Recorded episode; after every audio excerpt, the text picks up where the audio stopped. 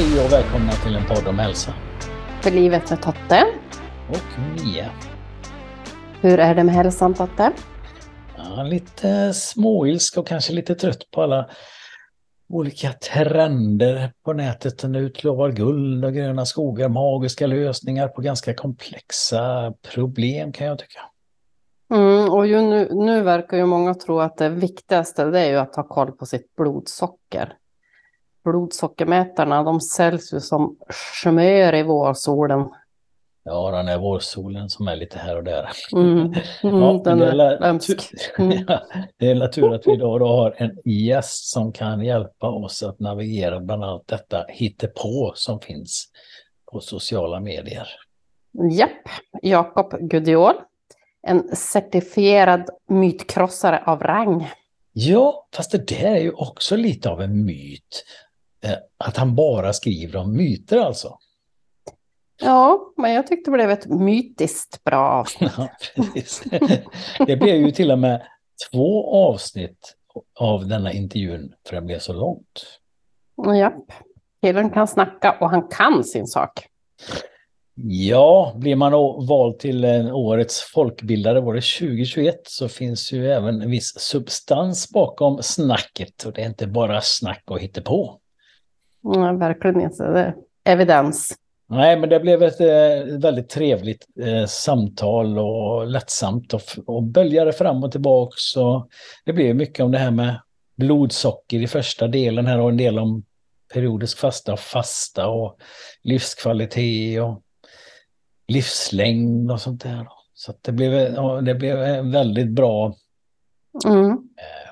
Alltså lite lugnt och skönt och sakligt samtal. Ja, ja, men precis. Det vart, eh, som du säger, väldigt sakligt och eh, han är ju väldigt duktig på att prata och han kan ju verkligen sin sak. Så att det är ju, Ja, det är han är ju bra. en, det är bara ösa ur den där källan känns det som. Det spelar ingen roll mm. vilket ämne man pratar inom de här områdena så har han ju skrivit någonting om det. Eh, Jag brukar ju oftast rekommendera många jag känner, men undrar du över någonting inom kost så skriver du Gudial plus det du undrar över. Så hittar du Mm. en artikel i princip. Då. ja, precis. Vi har ju båda följt honom som sagt var i många år. Eh, eh, Men jag tänker Mm. så här att vi ska väl snart lyssna på det. Men annars är allt väl. Du flög ju upp här från, du var ju hos mig och hälsade på här i Borås, mellanlandade lite. Mm.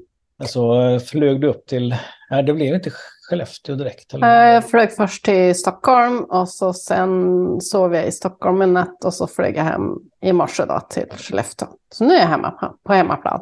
Så du Men jag är lite problem. förkyld så att Ja. flygningen var ju en eh, liten mardröm. Du vet, lite ont i öronen och så hade det spräng och det var så pass att jag kunde inte ens sitta och lyssna på en ljudbok och då är det väldigt, då, då är det allvarligt. Ja, Då, Mm. då är det mycket allvarligt. Ja, då är det mycket allvarligt. Helt klart. Ja, men ja, nu är jag hemma i Nu snön. vi- Nu kan du Nu krya dig och en långhelg, eh, Ja, röda precis. dagar och återhämtning och så Mm. Det ska bli skönt. Det. Men eh, Mm. jag tänker att eh, vi bjuder väl in Mr Gudiol här och eh, låter han få prata. Eller Mm, hur? Ja. absolut, nu lyssnar vi på honom. Ja, välkommen eh, Jakob till eh, vår, varmt välkommen till podden. Tack, tack. Välkommen Jakob. Tack, tack igen. det blir lite tjatigt här nu. Ja. Eh, Nej, men jag sa, sa ju det innan i försnacket. Detta, jag känner ju så väl till dig och det är lätt att man tänker att alla känner till Jakob Gudiol. Du är ju med på, du var ju senast med igår såg jag på TV4 så att du börjar Mm. ju bli ett ansikte för rätt många också nu då. Ja, Men- jag, vi har varit influencer ganska länge. Får man Ja. ändå, jag vet, livsmedelsföretagen gör ju en sån här undersökning, eh, någon, någon SIFO-liknande grej på eh, drygt tusen personer varje år eh, kring eh, kost. Ibland gör de flera, men de brukar alltid ha en inför julen i alla fall och så har de lite olika vinklingar på den och sådär. Och Några år så har de ju frågat lite det här med Eh, vem liksom svenska folket lyssnar på. Vem som, eh, vilka namn de kan nämna ungefär som berör kost och hälsa. Och eh, där har jag legat ganska bra på topplistorna där.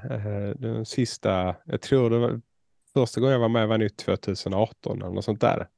Och 2020 så var jag väl topp fem i alla fall. Något sånt där. Sen, sen kan man ju inte riktigt, alltså du har, du har som Michael Mosley liksom. Han får ju Han, liksom, han får ju producera tv-program för att göra reklam för sina böcker. Det är svårt att slå honom. Det... Och sen så köper SVT in det och liksom kör det på som vetenskapens värld och sådär. Det, det är ju svårt att få den eh, reachen eller vad man ska säga och nå ut på det sättet som jag har haft. Men som du säger nu så har jag ändå fått vara på tv här i ett år nu. Eh, en gång i månaden bara, men mm. Eh, då når man ju ut lite vidare kanske. Var det efter, jag tänker du blir ju årets folkbildare där, eh, var det efter mm. det som de typ av uppdragen började hagla in?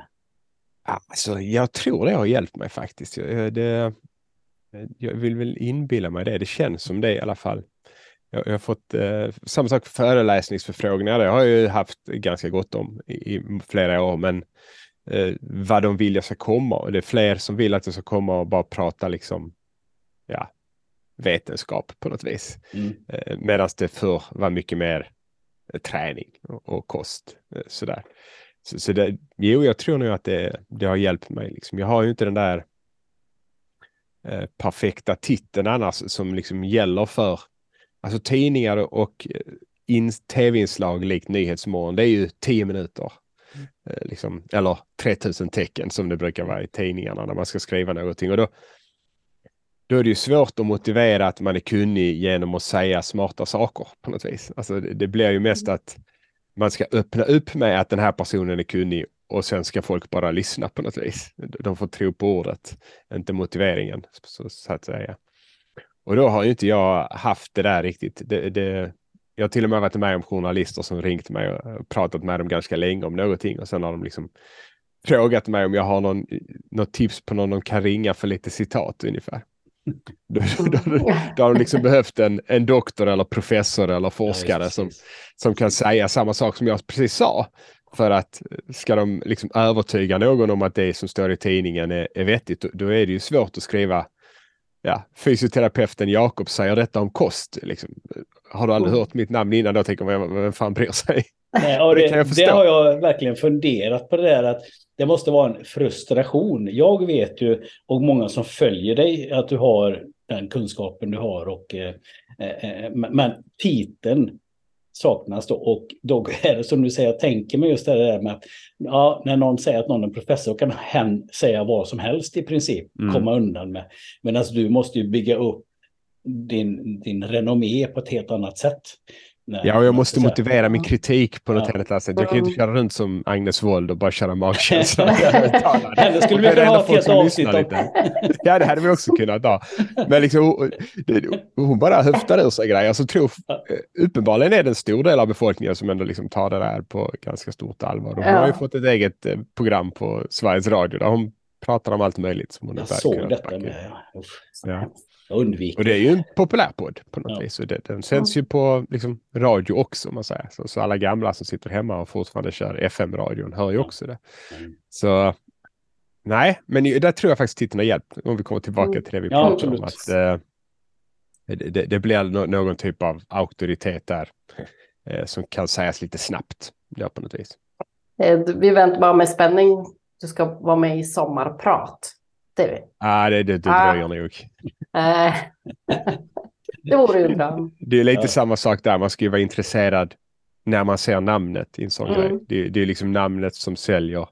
Mm. Folk, det är klart, jag kanske sommar att folk, oavsett om de känner till namnet eller inte, ger det en 15 minuter innan de liksom avgör. Mm. Men det, det, är ju svårt det där, det märker vi också. Jag har ju också en podcast liksom och det, vi har ju de regelbundna lyssnarna som man liksom ser man har ju liksom baseline. Men sen ibland får man till en bra titel och så helt plötsligt kommer det in några tusen till och lyssnar. Mm. Liksom, inte för att det var ett bättre avsnitt utan för att det, det, det är en titel som gör att de börjar lyssna ens.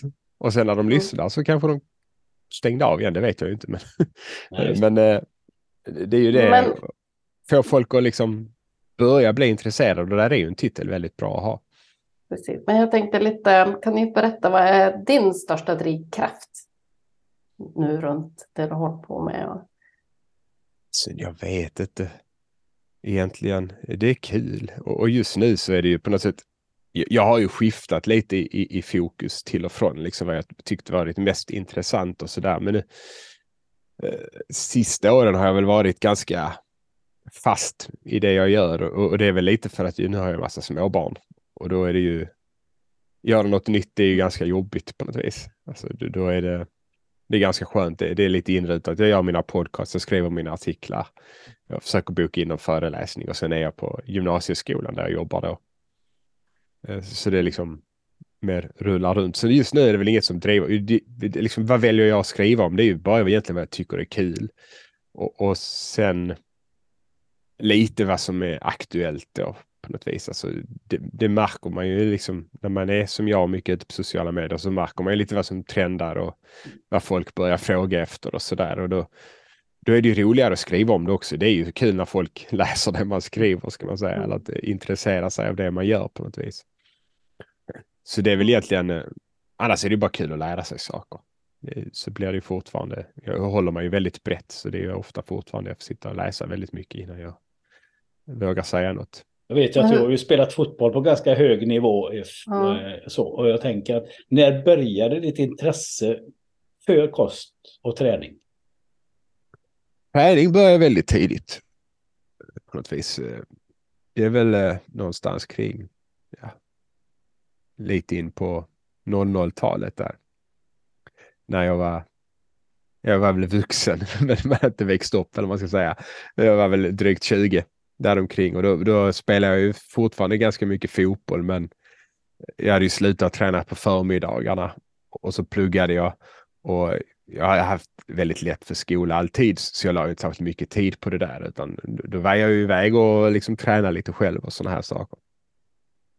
Så då var det väl själv ett litet egenintresse. Sen så började jag skriva om det sådär. Det, det kom ju, det var ju en mer av en slump. Jag, jag, blev, jag var medlem på lite träningsforum och jag svarade på några frågor och sådär. Tyckte det var kul och kul att läsa andra svar och så. Eh, men sen så fick jag en, eh, en skada där. Jag fick eh, fraktur på båtbenet medan jag läste till fysioterapeut eller sjukgymnast. Och det enda jag hade kvar var praktik. Och det gick inte att göra praktik med gipsad hand som sjukgymnast. Liksom. Så då satt jag för mycket på de här träningsforumen och då tröttnade jag på något vis på att det kom samma fråga om och om och om mm. igen. Och, och då blev ju min lösning på det där att ja, men då startar jag en, en hemsida eller blogg som det var då. Och så började jag skriva ner utförliga svar. Och tänkte sen har jag ju löst problemet, men det, det hade jag ju inte. Utan man länkade svaren till folk och så trodde de inte på svaren. Och då fick jag ju börja skriva om varför det de trodde istället var troligen var fel då. Och, och, så kom jag liksom in på det den vägen. Och sen blev det ju väldigt fort att ja, men är du intresserad av träning, då blir man ju intresserad av kost i, i prestationssynpunkt. Liksom, och det var väl egentligen det som intresserade mig mest fram tills LCHF började blomma upp där 2009, 2010 och sånt där. Eh, då de på något sätt, de börjar ju blanda sig i lite idrottsnutritionen men också att de på något sätt, de börjar liksom ifrågasätta naturlagar nästan yeah. på sätt och vis där. Och eh, det, det blev eh, liksom, det triggade mig lite på något sätt. Det blev kul och så började jag läsa väldigt mycket där och sen har det liksom bara smetat ut. Mm. många olika vägar genom åren. Liksom ibland till och från så skriver jag mer om träning, sen ibland skriver jag mer om kost och så. Mm. det här med liksom då hur vetenskap går till, det är väl lite ett senare intresse på något vis. Det finns ju en myt skulle... om dig, om att det, det enda du skriver om är myter. Ja. Jag tycker ju att det är, det, vi som följer det vet ju att det inte det stämmer, men det är det som kanske folk oftast kommer ihåg eller lockas av att läsa.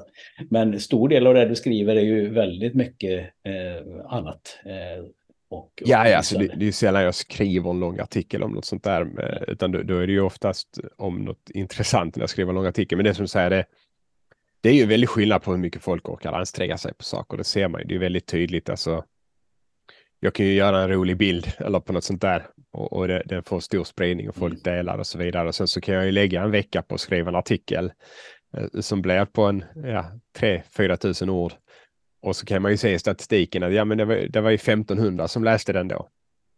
Och det är ju liksom en tiondel av vad vi kanske har i poddlyssnare och ibland kan det ju vara liksom en hundradel av vad jag får i exponering när jag lägger upp ett inlägg på sociala medier. Och då blir det liksom på något sätt, ja, av de som bara ser, de som inte riktigt anstränger sig att läsa mina artiklar eller eh, letar upp artiklarna då, eller som lyssnar på podcasten. Eh, utan mer bara då och då får en bild delad i, i sitt flöde där jag, som jag har skapat. Då ser man ju bara de här grejerna som blir mm. lite virala och då blir det ju ofta många av de grejerna som blir virala, det är ju för att man påpekar att någonting som folk tror är fel på något vis. Sen då och då så blir ju grejer virala för att folk tycker det är häftigt, att det här överraskar dem på något vis. Och sånt där. Det finns ju Men gott det, om, det... om uh, olika föreställningar och på och myter inom kostområdet framför allt. Uh, så det är ett oändligt uppdrag. Och det, det jag tänker på är ett av de bästa överhuvudtaget citat jag läser. Är det du själv som har kommit på det? Säger det här med arbete som krävs för att motvisa skitsnack är mångdubbelt större än tiden det tar att hitta på skit. Eh, nej, det är inte jag som har hittat Nej. på den på något sätt. Eh, den, eh, det är en omskrivning och översättning av någonting som de kallade för Brandolinis lan och sånt. Det var någon italiensk kille som hade dragit upp något liknande på en föreläsningsslide sen var ju inte han riktigt först heller med att uttrycka det där på något sätt. Men han hade ju uttryckt det snyggt i en mening på något vis. Exakt, det är så jag tänker att det är Men den här, den här asymmetrin har ju folk påpekat väldigt länge, men den, den blir ju väldigt, väldigt mycket mer uppenbar idag än vad den var förr. Alltså det, det var ju Tänk dig liksom innan internet, ja då kom det ju dietböcker och, och sådana här grejer. Det var ju artiklar i tidningarna och men då, de får ju dels får de ju inte, alltså kommer en artikel i, jag säger Sydsvenskan, då var det ju bara folk i södra Sverige som fick läsa det där. Alltså det, var ju liksom, det fanns ju inte en, en, tidning på nätet också så att den kunde delas vidare runt och kring och sådär, utan det var ju liksom, det blev isolerat. De här tokgrejerna fick ju inte ofta de här större grejerna och skulle det vara en dietbok som verkligen slog igenom, ja men då kom det ju oftast ett bemötande av den där i kanske tidningar eller på tv eller något sånt där. Så det blev liksom ett jämnare förhållande på något sätt. Idag så är det ju Eh, väldigt skevt det där eh, i och med att sociala medier tillåter dig att liksom publicera hur mycket som helst och du blir i princip inte straffad alls av att publicera skit. Alltså vi har ju flera sådana här konto i Sverige eh, liksom, kring kost och hälsa då, som i princip bara snor andras grejer. Alltså, det, ja, det här är poppis på liksom ett, det här har gått viralt, någon amerikanare har gjort någonting och så spelar de in en exakt likadan video fast säger det på svenska. Eller då liksom bara snor bilden rakt av och översätter texten till svenska. Och så delar de det. Ja, det, det funkar ju på svenska också, samma grej. Och de har ju lagt noll arbete. De har inte ens behövt hitta på det här skitet, utan de har ju bara liksom suttit och varit en översättare. Mm. Och, och, då kommer liksom att, att, kunna bemöta det där när de konstant bygger upp sin plattform, just för att det är liksom ja, de här, några av de här kontona jag tänker på nu, de har ju över 100 000 följare liksom i, på TikTok och Instagram, trots att det är svenska konto och, och, deras liksom plattform finns ju kvar. Det är inte så som är förr att, ja men sa du någonting som var riktigt, alltså i en tidning och journalisten som lät dig få den där platsen, sen får du jättemycket kritik, det kommer bemötande, då kommer inte den där journalisten antagligen ringa upp dig igen. Så din plattform har liksom minskat eller försvunnit för att du sprider skit. Men idag så blir du, du blir liksom inte bestraffad för att du sprider skit i dina kanaler på sätt och vis. Utan det som händer istället är att någon kanske lägger upp någonting på en Instagram-bild och så kan jag lägga upp någonting på mitt konto och påpeka att det här som florerar runt nu är skit. Men sen lägger de upp någonting en månad senare på sitt konto och så kanske det kommer in någon ny användare då som ser det där. Åh, det här verkar inte som ett intressant konto. Hur ska den personen då hitta att det finns kritik?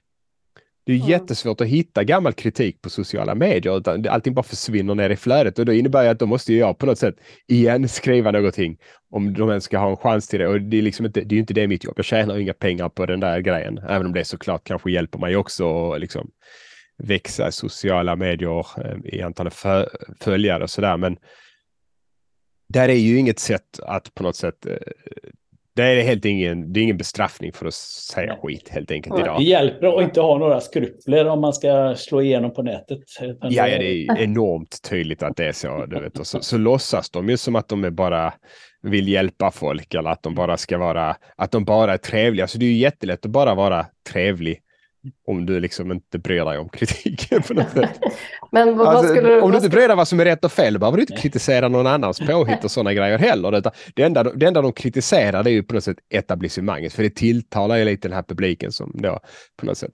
Så då, då, det är mycket så här hackande på margarin och liksom, man ska äta mycket mer kött än vad kostråden säger. Sådana grejer kan de hacka på, men de, de liksom hackar ju aldrig internt trots att de säger helt olika grejer. De, här. Liksom, de gästar varandras podcasts och de eh, liksom, hjälper till att skriva positiva kommentarer under varandras grejer. Men så ser man liksom att de rekommenderar ju inte samma grejer. Varför, varför påpekar de inte eller varför motiverar de inte varför de rekommenderar något och den andra som de var med i podcast, varför diskuterar de inte varför de har olika åsikter? Det gör de inte, utan de bara, det är bara liksom en gemensam positivitet. Och det, det gillar ju folk på sätt och vis, men det, det innebär ju också att man på något sätt, då släpps ju allt in. Mm. mm. Om, om du skulle ange en, den vanligaste, en vanlig kostmyt, vad skulle du säga då? Ja, det där, det där är ju också lite så. Va, va, det finns ju grejer som enstaka människor tror som är jättekorkade. Och sen finns det ju folk som, alltså saker som många människor kanske tror som kanske inte riktigt korkat på något sätt, men som inte heller är riktigt rätt. Och då, då är det liksom, vad är värst? Eh, på något vis. Det, det är svårt sådär. Men idag är något som har funnits, det har funnits sedan 90-talet egentligen på något sätt. Det här med att eh, hur blodsockerkurvan ser ut efter en måltid. Att det skulle vara väldigt viktigt för liksom, hunger och mättnad. Det är ju folk fortfarande övertygade om. Att liksom, ja, så går blodsockret upp och sen dimper det ner och så blir man jättehungrig.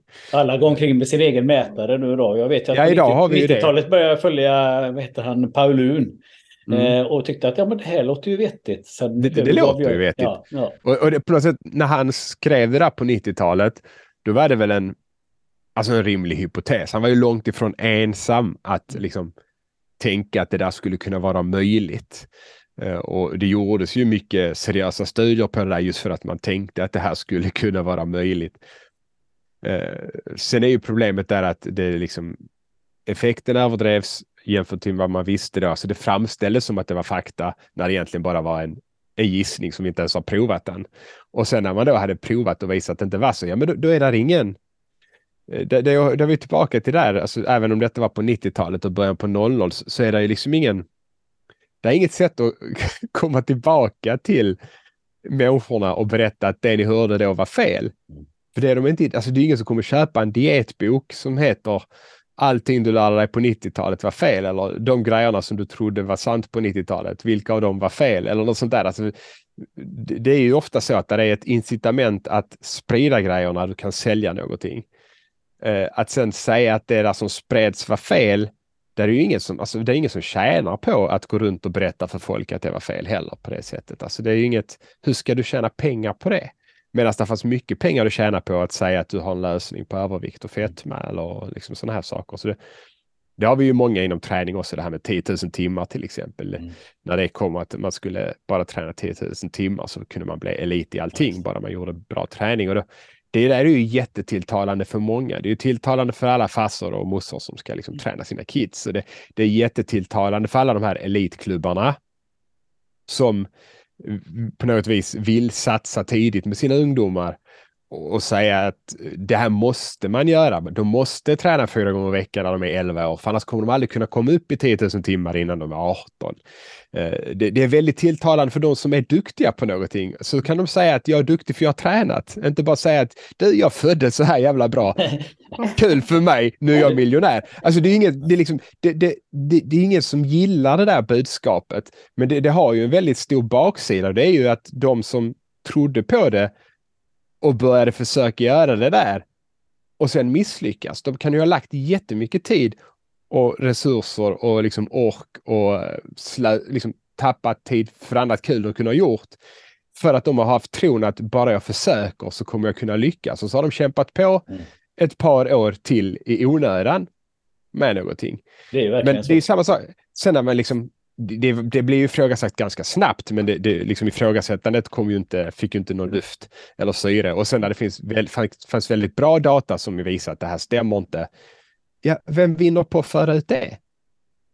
Du kan inte skriva en liksom Malcolm Gladwell-bok som säljer miljontals ex där du bara påpekar att det där, alltså där, det är ingen, där är inget, det är ingen som kommer ut med rätt budskap eh, som får samma genomslagskraft. Alltså jag har ju skrivit artiklar om det där. Jag har till och med fått in, när jag skrev för Svenska Dagbladet så fick jag ju faktiskt skriva om det där på sånt vis. Men det, det är ju ingen artikel som delas på samma vis och det är inget som liksom Eh, du, du når, det är jättemånga människor som tror på det där fortfarande. Sanningen är ju oftast mer nyanserad och mer komplex och svårare att ta längre texter framför allt. Och här är yeah. det liksom vissa klatsch, rubriker som man, oh, det här, oh, men det här var ju lätt att ta till sig. Och, det, yeah. och sen när det väl har fått fäste hos folk så är det ju det som är just det med arbetet att tvätta bort. Det är ja, enormt ja, ja. så att säga. Och det är ju det du håller på med hela tiden, bestiga det här. Det är lite Sisyfos arbete nära på. Det var ju så min ena bok kom till. Det var ju för att jag började skriva om det här. Då var det ju LCHF-tiden såklart, men då, de liksom där jag påpekade att det här med att liksom blodsockret skulle vara jätteviktigt för ja. mättnad och insulin gör dig tjock och sådär. Det finns liksom inga belägg för det. Det är helt andra saker som får människor att sluta att äta eller börja äta eller äta för mycket sådär. Och då, då, då liksom blev folk arga och på något sätt, ja men om inte det, liksom, men ge oss svaret då på något vis. Bara liksom, och då trodde de ju på något sätt att, de, att ja, jag kritiserar en, en bild på Instagram, alltså ska jag visa vad som är rätt via en bild på Instagram och så, funkar det inte. Utan då blev det ju precis, ja, men då tänkte jag, men då ska jag ge ett långt försök till svar här. Och så blev det en hel bok. Är det skitbra? Och den har ju inte, ja, den har ju inte, den har sålt bra ska jag väl säga, men den har ju inte den har inte varit i närheten av att nå lika mycket som bara ett Instagram-inlägg eh, som blir viralt har nått, kan vi säga så.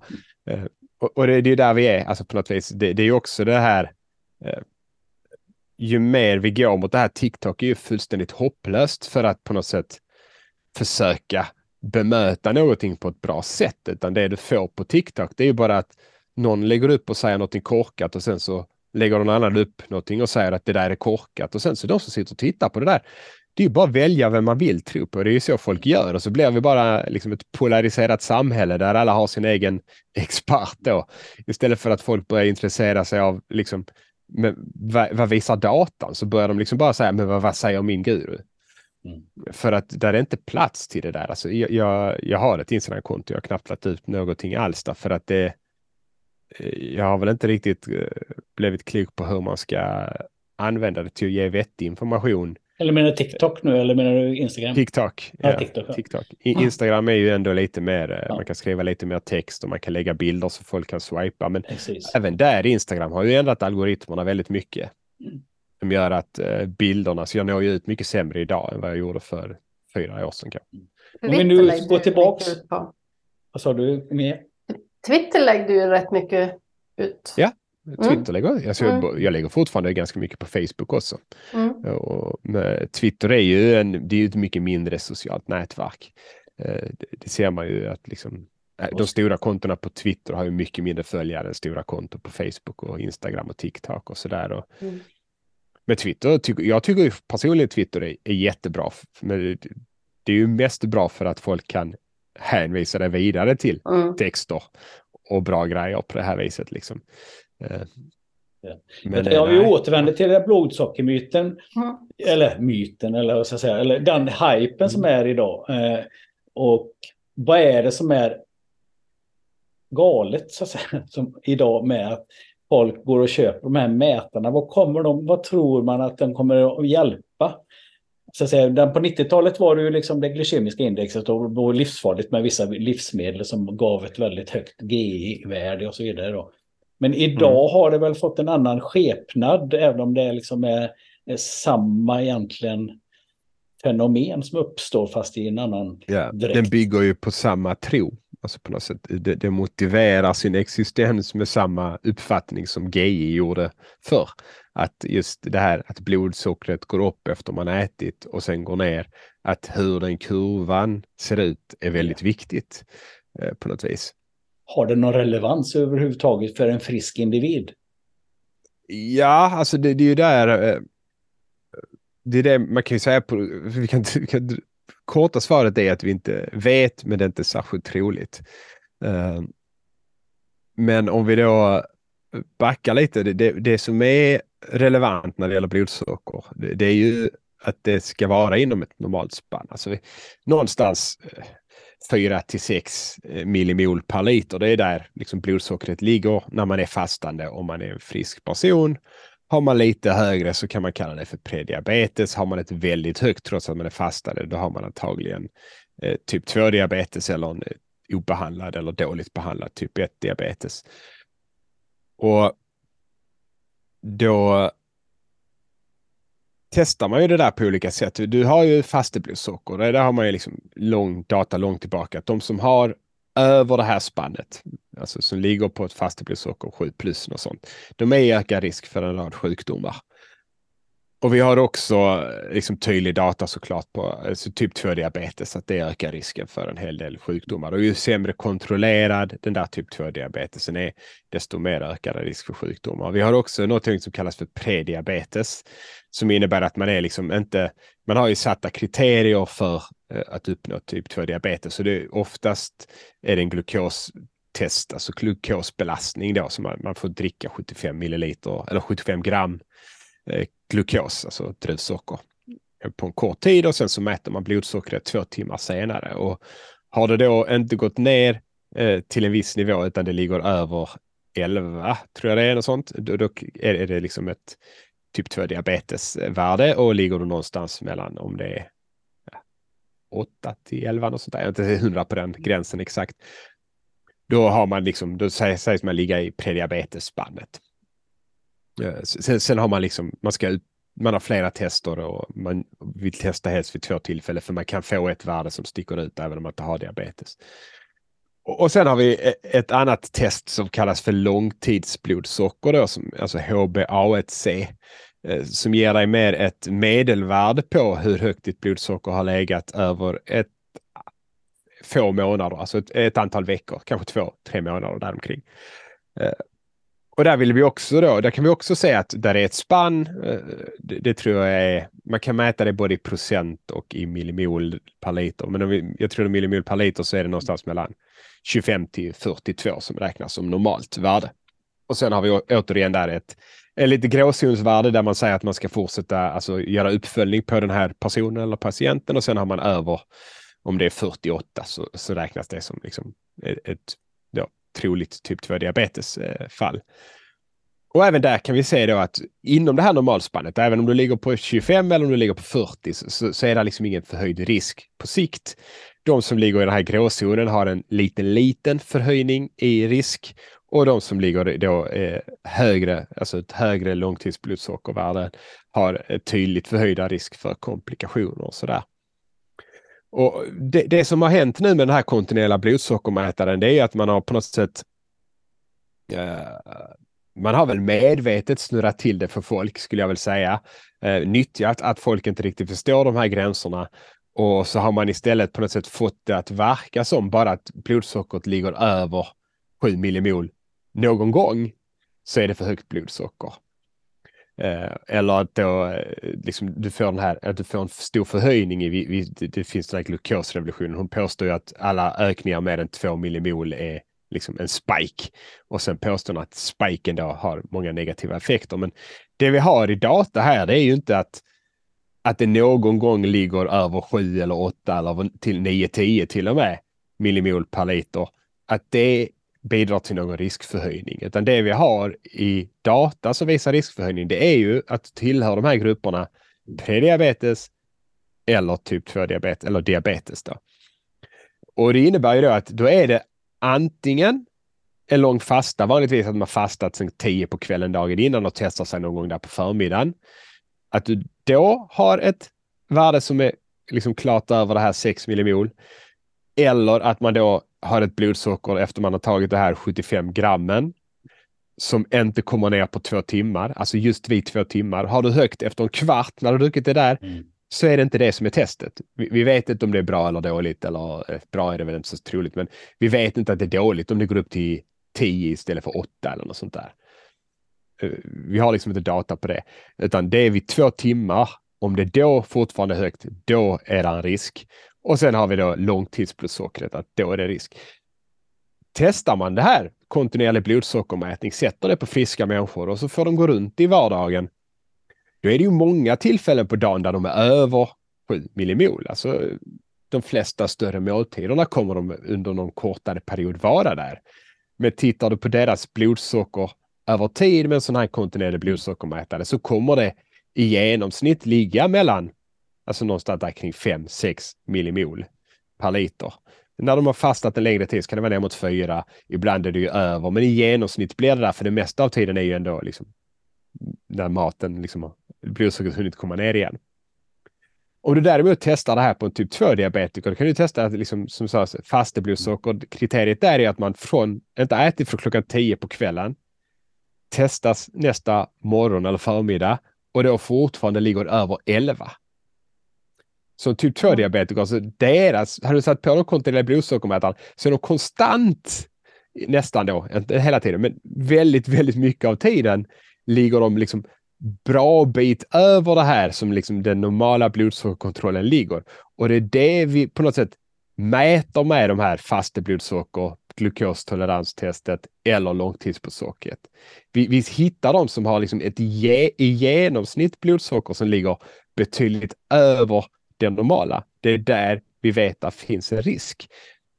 Att det här liksom går upp och ner efter måltid, det, det är liksom normal fysiologi. Det finns ingen anledning att tro att det där är en fara sett till vad vi vet idag.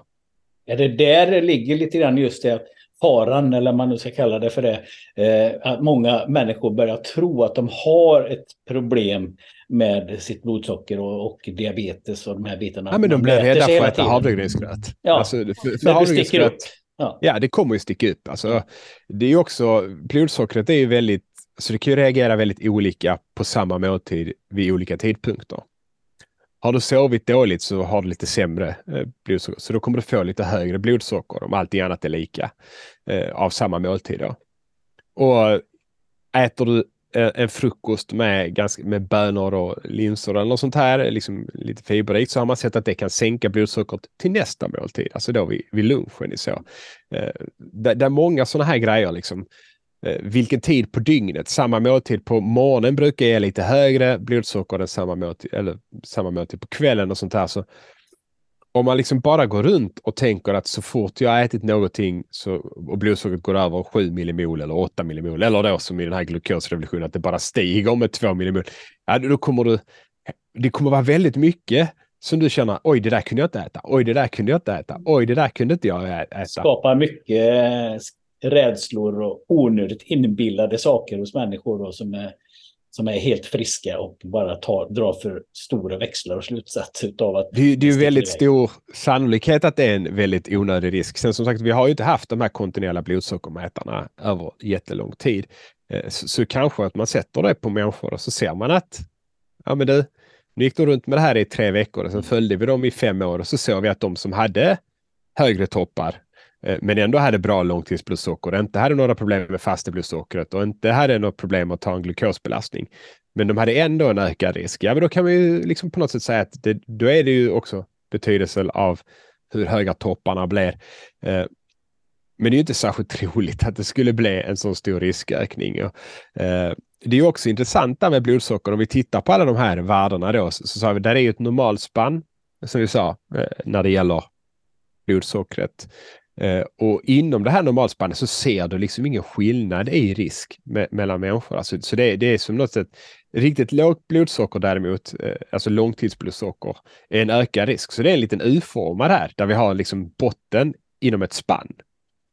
Tittar vi istället på e-, en, annan riskfaktor då som folk eh, gillar att, ignorera och som även då påpekas i, i, att man ska ignoreras i glukosrevolutionen på något sätt. Det är ju det är blodfetter, alltså, eller framförallt då LDL Eh, Eh, kolesteroldelen eller ApoB. Och där har vi jättebra data som visar ett linjärt förhållande. Vilket innebär att vi har ett normalspann där vi säger att vi, vi bryr oss inte om så här för det, det är en liten riskskillnad men det är fortfarande så att liksom all data vi har, ju lägre desto bättre är det att ha. Alltså, ju lägre sådana värden har desto lägre är risken för hjärt-kärlsjukdom. Även när du ligger inom normalspannet. Och där, vad är det då som höjer det där? Jo, men det är ju oftast att man liksom då börjar äta. Det är framförallt mer mättat fett. Kolesterolet i kosten kan påverka det lite. Eh, men vi har också grejer i kolhydraterna som kan sänka kolesterolet. Alltså eh, fenoler och andra liksom fibergrejer och sådana grejer som finns i kolhydratkällorna kan sänka kolesterolet, då, eller den negativa delen av kolesterolet. Och om du då bara sitter med din glukosmätare och tror att det är den som avgör om du äter bra eller dåligt, ja då kanske du plockar bort. Det, det, det finns ett exempel som florerar på nätet nu. Det var någon dietist som var skitsur för hon hade haft någon, någon dam, eh, 80-plussare, eh, som liksom hade bra långtidsblodsocker, eh, ganska god hälsa. Så hade hon, börjat, hade hon fått för sig att köpa en sån här eh, glukosmätare då och, och, och någon sån här dietkoncept till det. Och så hade hon blivit, börjat bli rädd för att liksom käka bröd och eh, då äta blåbär för att blåbären kunde ge en spike i hennes blodsocker.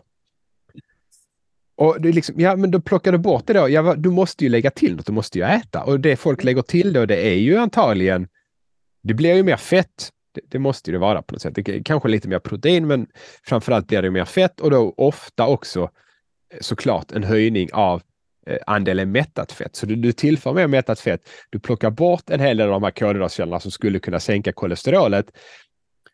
Så även om du fortsätter att li ligga inom normalspannet där så kommer du höja en risk som vi har bra data för att du höjer en risk. Samtidigt som du då tar bort någonting som vi har noll eh, eller du, du minskar på någonting som vi har noll belägg för att du behöver minska. Mm. Det, det är ju liksom så, alltså egentligen det här vi har liksom, om vi tar livslängd och så här på djur så är ju kalorirestriktion är ju en väldigt stor grej.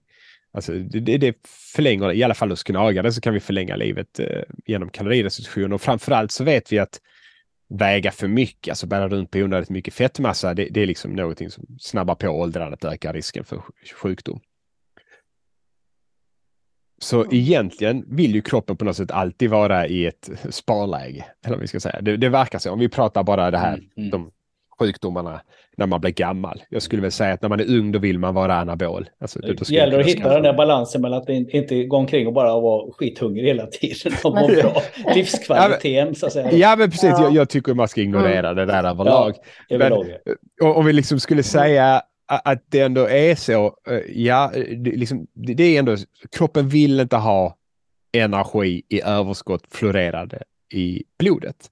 Det vill inte ha eh, Eh, högre fetter, alltså det är också en riskfaktor. Liksom, när du äter så höjs eh, liksom, olika markör, alltså fetter i blodet och kroppen tar ju hand om dem också och sänker dem. Eh, är man sämre på att ta, ta, hand om det där så är det också en riskfaktor, precis som när det är sämre på att ta hand om blodsockret efter en måltid. Så vi vill bli av med det där, men det, det, är så stort fokus på bara kolhydratdelen idag så folk ignorerar liksom att de, ja men om du bara förbättra kolhydratdelen genom att ta bort kolhydrater och lägga till något annat, ja då kanske du höjer en annan. Ja, det är ju den restprodukt av LCHF på något sätt ja. som kommit nu då. Men det jag tänker bara att vi hamnar, håller du med om det, att vi hamnar oftast i några diken här och det blir, jag brukar ibland kalla det för någon slags pedalintelligens. Vi tittar inte framåt utan vi tittar ner på pedalerna och ser inte liksom helheten och det handlar ju väldigt mycket om det här. Nu är det fokus på blodsocker.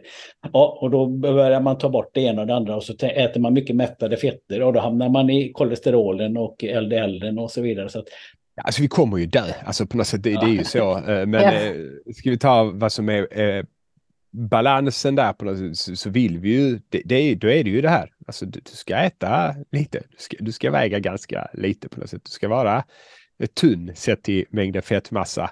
Och så sen, liksom, ja, vad, blir, vad ska du äta för råvaror? Jo, men då är det ju de här liksom, baljväxter och sånt som kanske då som, som, får en minimal påverkan på blodsockret trots att de ger kolhydraterna och samtidigt då kan hjälpa dig sänka kolesterolgrejerna och eh, samtidigt då innebär att du inte behöver äta mer av eh, fetterna eh, som då kanske höjer kolesterolbiten och sådana här grejer också då. Så det, det, är ju, det finns ju en orsak till att vi har de här kostråden vi har, även om folk alltid är konspiratoriska mot dem följer ju inte dem för det första. Så att, Nej, det, det, det, det kommer det gör Det är följsamheten som, är, som alltså, brister, inte kostråden. Ja. Vi, ska säga, vi, vi, diskuterar ju saker här som inte jag själv bryr mig särskilt mycket om.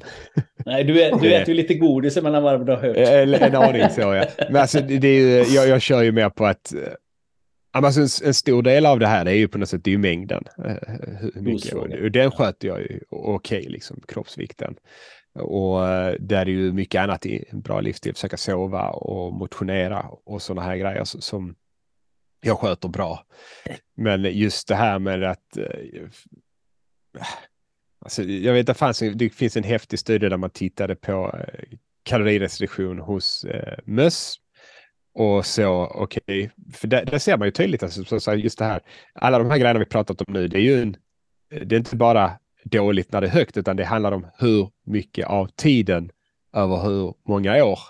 Eh, och, och, det är samma sak där, alltså, beroende på när man börjar och sätta in kalorirestriktion på möss så får man olika genomsnittliga ökningar i deras livslängd. Så börjar du när en mus har levt halva sitt liv så kommer den inte få lika många extra år som om du börjar när den bara har levt en, en väldigt kort tid av sitt liv. Och det de gjorde i den här då, eh, artikeln, det var ju att om vi antar att människor får samma effekt som de här mössen eh, när de då eh, börjar med kalorirestriktion. Hur många extra år får man Eh, från det här beroende på när man börjar i livet. Och eh, om vi säger att man äter, säg att du är redan, liksom, du har låga kroppsfettnivåer redan, du ligger på liksom energibalans. Då kan man dra ner det där kaloriintaget med liksom 15-20 procent och så anpassar sig kroppen och behåller ändå kroppsvikten på samma ställe. Den liksom drar ner på de här processerna då som på sikt alltså celldelning är ju det är en ökad risk för cancer varje gång cellerna delar sig. Och så drar den ner lite på det här, liksom du går på en liten sparlåga då som vi sa. Mindre energi som flödar i blodet och allt det där. Och, och så tittar man på, men om vi drar ner kalorierna med 15 procent hos någon som redan har normalvikt. Hur många extra år får de? Och då kan vi säga så här, om, om vi är som mössen då, det är, det är verkligen inte säkert att det är så, men om vi är det, så för varje decennium som du går runt, alltså ett decennium och medvetet äter mindre, 15% kalorier mindre. Mår skit varje dag.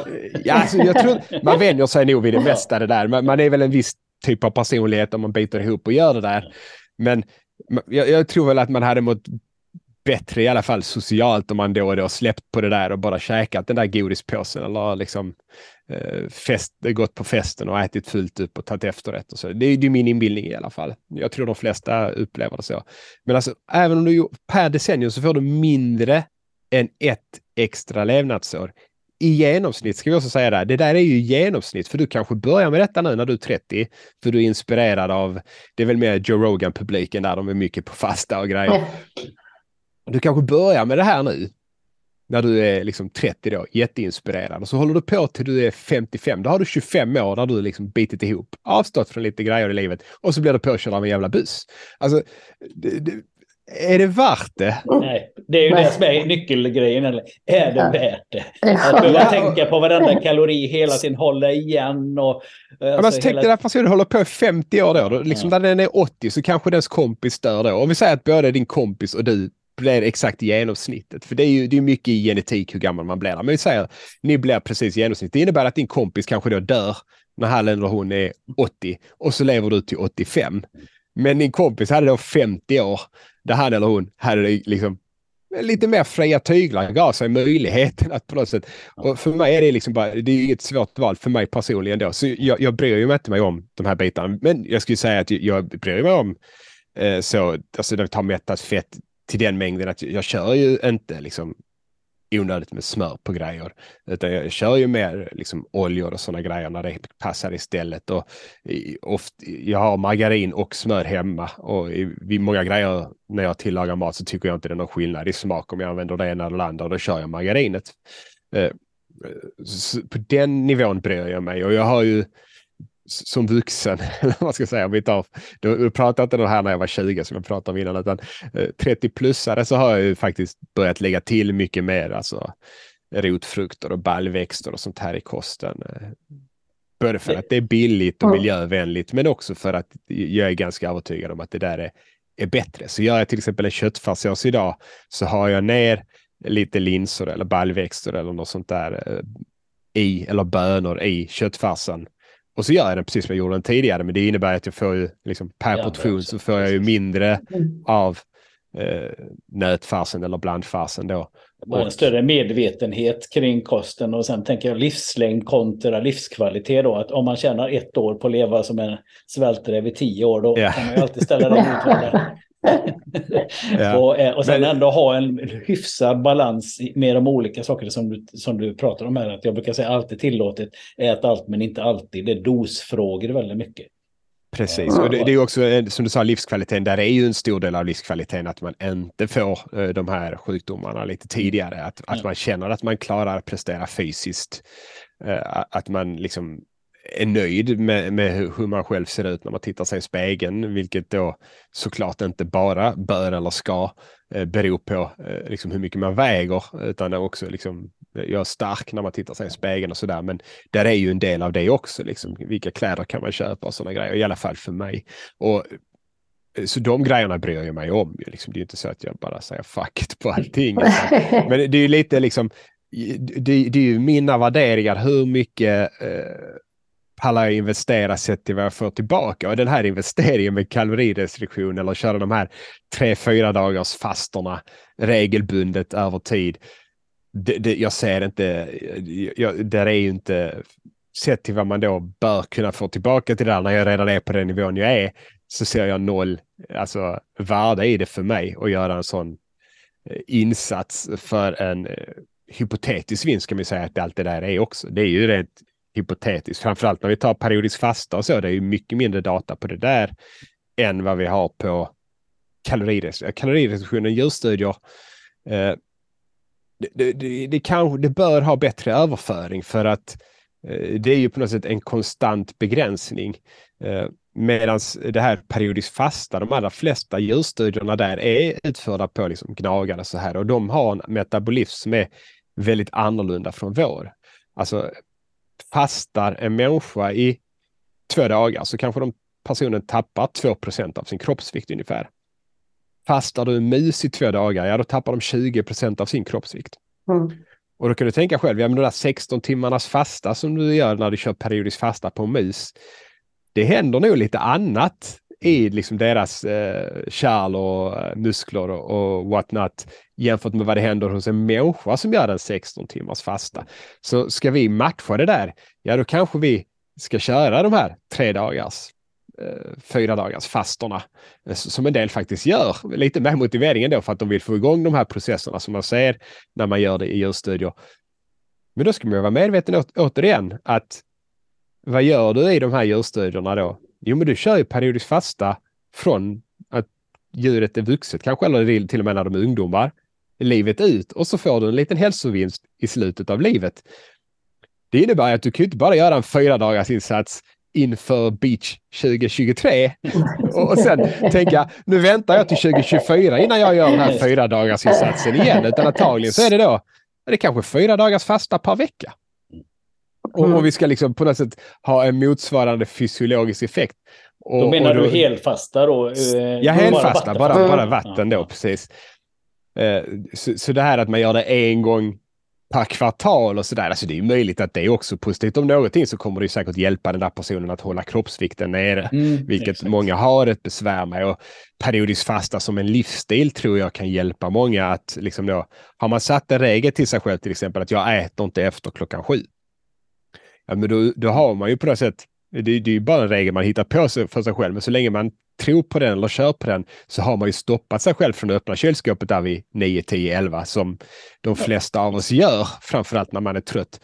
Så, så det, du vet, de här grejerna kan ju ändå ha sina liksom, vinster i vad blir det praktiska av det. Men det här hjälper mig att äta bättre, det här hjälper mig att hålla min vikt. Då är det positivt ändå. Men det är individuellt. Skulle, hur det, ja. hur det funkar. Jag har ju fastat i, vad är det, tio år tror jag nu, olika typer av fasta. Jag äter två gånger om dagen, men jag gör ju det inte av några som helst fantasier om att det ska hjälpa min hälsa så speciellt bra. Utan det är bara att jag gillar att äta större portioner. Jag ja. ligger i... Det hjälper ju dig säkert på det sättet. Ja. Men hade, du, hade du kunnat hålla samma energibalans med eh, tre eller fyra väl utspridda måltider mm. Eh, som ändå varit på dagtid så, så är ju jag högst eh, tveksam till att det skulle vara någon större fördel för dig när du redan är i, i gott skick då så att Nej, säga. Det, det, jag ser ju inga som helst eh, hälso att jag tror att det har något för hälsan. Det är bara att jag gillar att äta större ja. portioner och bli riktigt mätt de gånger jag äter. det gör jag. Vi kan ju aldrig själv. propagera för att nej, nej, ät precis som du känner själv fungerar ditt liv. Och Det, har ja. ingen... det, det, är ju, det är ju en frihet i att veta att kroppen klarar det här också Ja. på något sätt. Som idag till exempel har jag ännu inte ätit frukost nu klockan 12 och det, det är ju inte. Det, det var mer att det, det var kaos när man skulle få iväg barnen på morgonen och sen när jag kom hem så, så var jag, då hade jag liksom en idé redan, det här vill jag göra nu. Så satte jag mig ner och började göra det direkt. Och det funkar ju fint och så, så äter jag lite extra till, men det, det är ju ingen, det är min vanliga rutin på något sätt. Annars brukar jag äta mycket på förmiddagen och kanske mindre mitt på dagen och sådär. Men det, det är ju en frihet att veta, för många människor har ju den här uppfattningen också. När vi kommer in på det här, då är vi tillbaka till blodsockergrejen igen. Att uh, man inte klar, alltså kroppen inte kan hantera det. Det är för dåligt för kroppen att gå, gå för lång tid utan att man äter och att man liksom då uh, man får lågt blodsocker och inte kan koncentrera sig och sådana här saker. Och det, det, det att man blir ingen... katabol och svältläge mm. inträffar, det är ju livsfarligt. Ja, jag skulle väl säga, alltså för idrottare tror jag, alltså är du idrottare på en högre nivå så är det nog negativt skulle jag säga Absolut. att ge sig på de där grejerna. För att det, det, är ett problem inom idrotten idag bland de som tränar mycket att där är en hel del av dem som äter för lite. Ja. Och sätter du då en begränsning att nu ska jag bara äta inom åtta timmar då är ju risken större att du kanske inte äter tillräckligt mycket. För många idrottare har ju problem med att de behöver äta trots att de inte är hungriga. Alltså de är mätta för att magen är full. Men kroppen behöver mer energi. Uh, Nils van der Poels manifest var väl typexempel. För han, han drack ja, ju grädde och käkade en chipspåse efter lunch varje dag. För mm. att helt enkelt åt han bara mat så, så blev det för lite kalorier. Utan Vi kan ta liksom han som exempel ofta så att för fan det är ingenting som är farligt med mat eller mm. livsmedel. Allting handlar om dosfråga och vilket syfte du har med det och så vidare. Att, eh, det var ju dåligt för hans tänder. Han behövde ju borsta dem väldigt, ja, det är väldigt klart. många gånger. men alltså, men, men det, är liksom, han är ju en extrem åt det andra hållet, men han tillät sig själv äta hela dygnet plus att han då tryckte i sig extra. Om du då har någon som kanske redan ha, Eh, liksom ha, ligger på gränsen till att få i sig mycket och så begränsar de sig till åtta timmar, ja då, då kan det bli ett problem. Så, så jag tror ju eh, om man begränsar eh, sig som eh, någon som idrottar mycket, då, då bör man ha koll på energiintaget och veta att det blir ingen begränsning. Alltså jag, jag minskar inte. Man ser ju många sådana här studier där man testar eh, väldigt aktiva motionärer, ska vi säga, så de som tränar fyra, fem gånger i veckan. Så har man gjort sådana här kortsiktiga på sex veckor, fyra veckor, åtta veckor. Där, där en grupp har fått göra periodiskt fasta och den andra inte fått göra. Och så ser man ju, det funkar ju för prestationen. De presterar liksom inte bättre, sämre och sådär. Men i många av dem där så, så säger jag, förbättrar de kroppssammansättningen då. Och nu, nu gjorde jag lite sånt här citat, förbättra, för de tappar lite fettmassa mm. under de här fyra, sex, åtta veckorna då och behåller muskelmassan. Och det är ju egentligen någonting som är bra för en idrottare på något vis. Eh, det, under en period. Det är inte bra om de fortsätter ligga där nere lågt och på något sätt ska fortsätta utvecklas. Eh, det är ju ett problem inom många av de här viktidrotterna där man ser att idrottarna stannar för länge, för länge i sin lägre viktklass eller att de inte eh, även under en uppbyggnadsperiod så tillåter de inte sig själva att äta mycket och då får de ju ingen uppbyggnad på något vis. Utan det vi vill ha med de här idrottarna det är ju ofta att de på något sätt tillåter sig att kanske ha något kilo mer fettmassa när det inte är tävling. Och sen om de då ska gå ut och köra ett trestegshopp eller höjdhopp eller eh, de, de ska ut på en brottningsmatta, kampsport eller sådana här grejer. Precis inför det så tappar de fettmassan. Så det som tolkas som positivt i de där studierna på periodiskt fasta och, och träningsmänniskor då, eh, det är ju positivt om det görs i de där fyra, sex, åtta veckors. Om det hade gjorts över ett år så är jag mindre, mindre liksom, då är jag lite mer tveksam till om det där blir positivt. Mm. Mm. Hela tiden ha en energitillgänglighet för att man ska kunna prestera. Ja. Det är ju en helt annan sak. Alltså, är du på den nivån eh, som amatör och så vidare så är det väl en sak med just att kunna prestera på, på optimalt. Mm. Då är det bra att hela tiden ha tillräckligt med energi mm. ett flöde av energi så att man inte går för långt och blir trött där. Ja, det finns ju den hypotesen med faktiskt att det, det faktiskt spelar roll när, när vi tar liksom eh, näringstiming, att det är kolhydrater vid varje måltid och så där hos de idrottarna just som mm.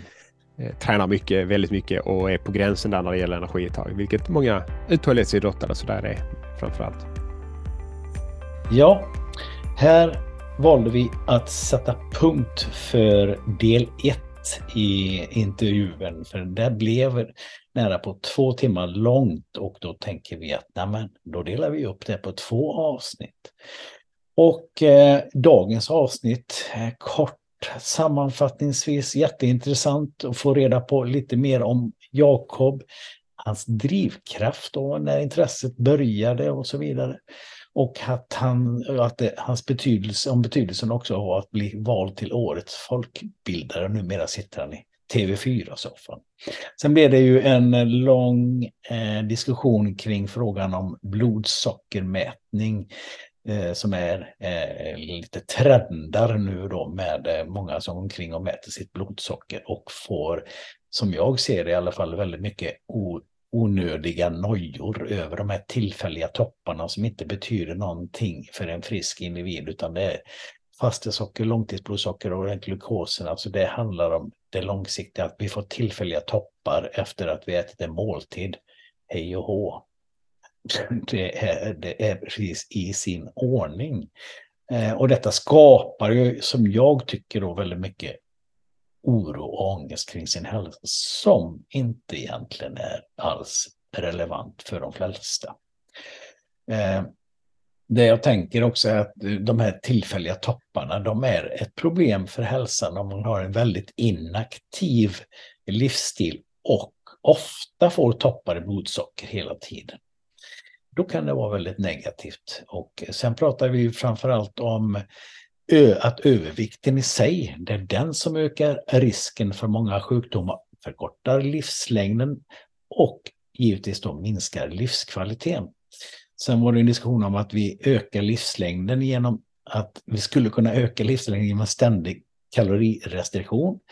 Eh, men så ställde vi det mot livskvalitet och så vidare. Att ständigt gå omkring och plåga sig själv i, säg tio år, då vinner du eventuellt hypotetiskt ett år till på eh, livsskalan. Är det då värt det? Och så vidare. Ja, och sen var det lite intressant och han bara nämnde lite grann, Jakob, hur han äter idag vad viktigt att tänka på. Eh, och det här, jag brukar alltid predika att allt är tillåtet, ät allt, men inte allt. Det är väldigt mycket en dosfråga, att jag har ju no, eh, är väldigt emot att vi demoniserar enskilda livsmedel som något ont, utan att vi istället ska inkludera livsmedel, men däremot tänka på hur mycket vi äter av allting och att vi har en balans i kosten såväl i livet. Sen var vi snabbt inne på det som jag har på i så många år med periodisk fasta. Han kommer in på det med fyra, tre, fyra dagars fasta och versus kalorisrestriktion och eventuella hälsovinster. Vad säger forskningen kring detta idag? Och sen avslutar vi med lite grann med Nils van der Poel-manifestet där han då klunkar grädde åt kebab och dygnet runt för att överhuvudtaget kunna få i sig tillräckligt med energi för att orka prestera. Eh, och han brukar jag ju ofta ta som ett exempel på att ja, men titta här till exempel på van der Poel. Han eh, var tvungen att ta i sig högbelönande livsmedel för att överhuvudtaget få i sig den energi han behövde för att kunna prestera. Nåväl, eh, mycket eh, intressant samtal med en härlig person. Eh, nästa avsnitt så kommer vi in på det här med socker och sockerberoende. Är socker ett gift och finns det någonting som är beroende eller är det och högbelönande livsmedel och så vidare. Mycket intressant avsnitt så jag hoppas ni lyssnar även på det avsnittet som kommer när det kommer. Häng med nu bara och dela den här podden så vi får spridning. Ha en eh, bra dag. Tack för att ni lyssnar.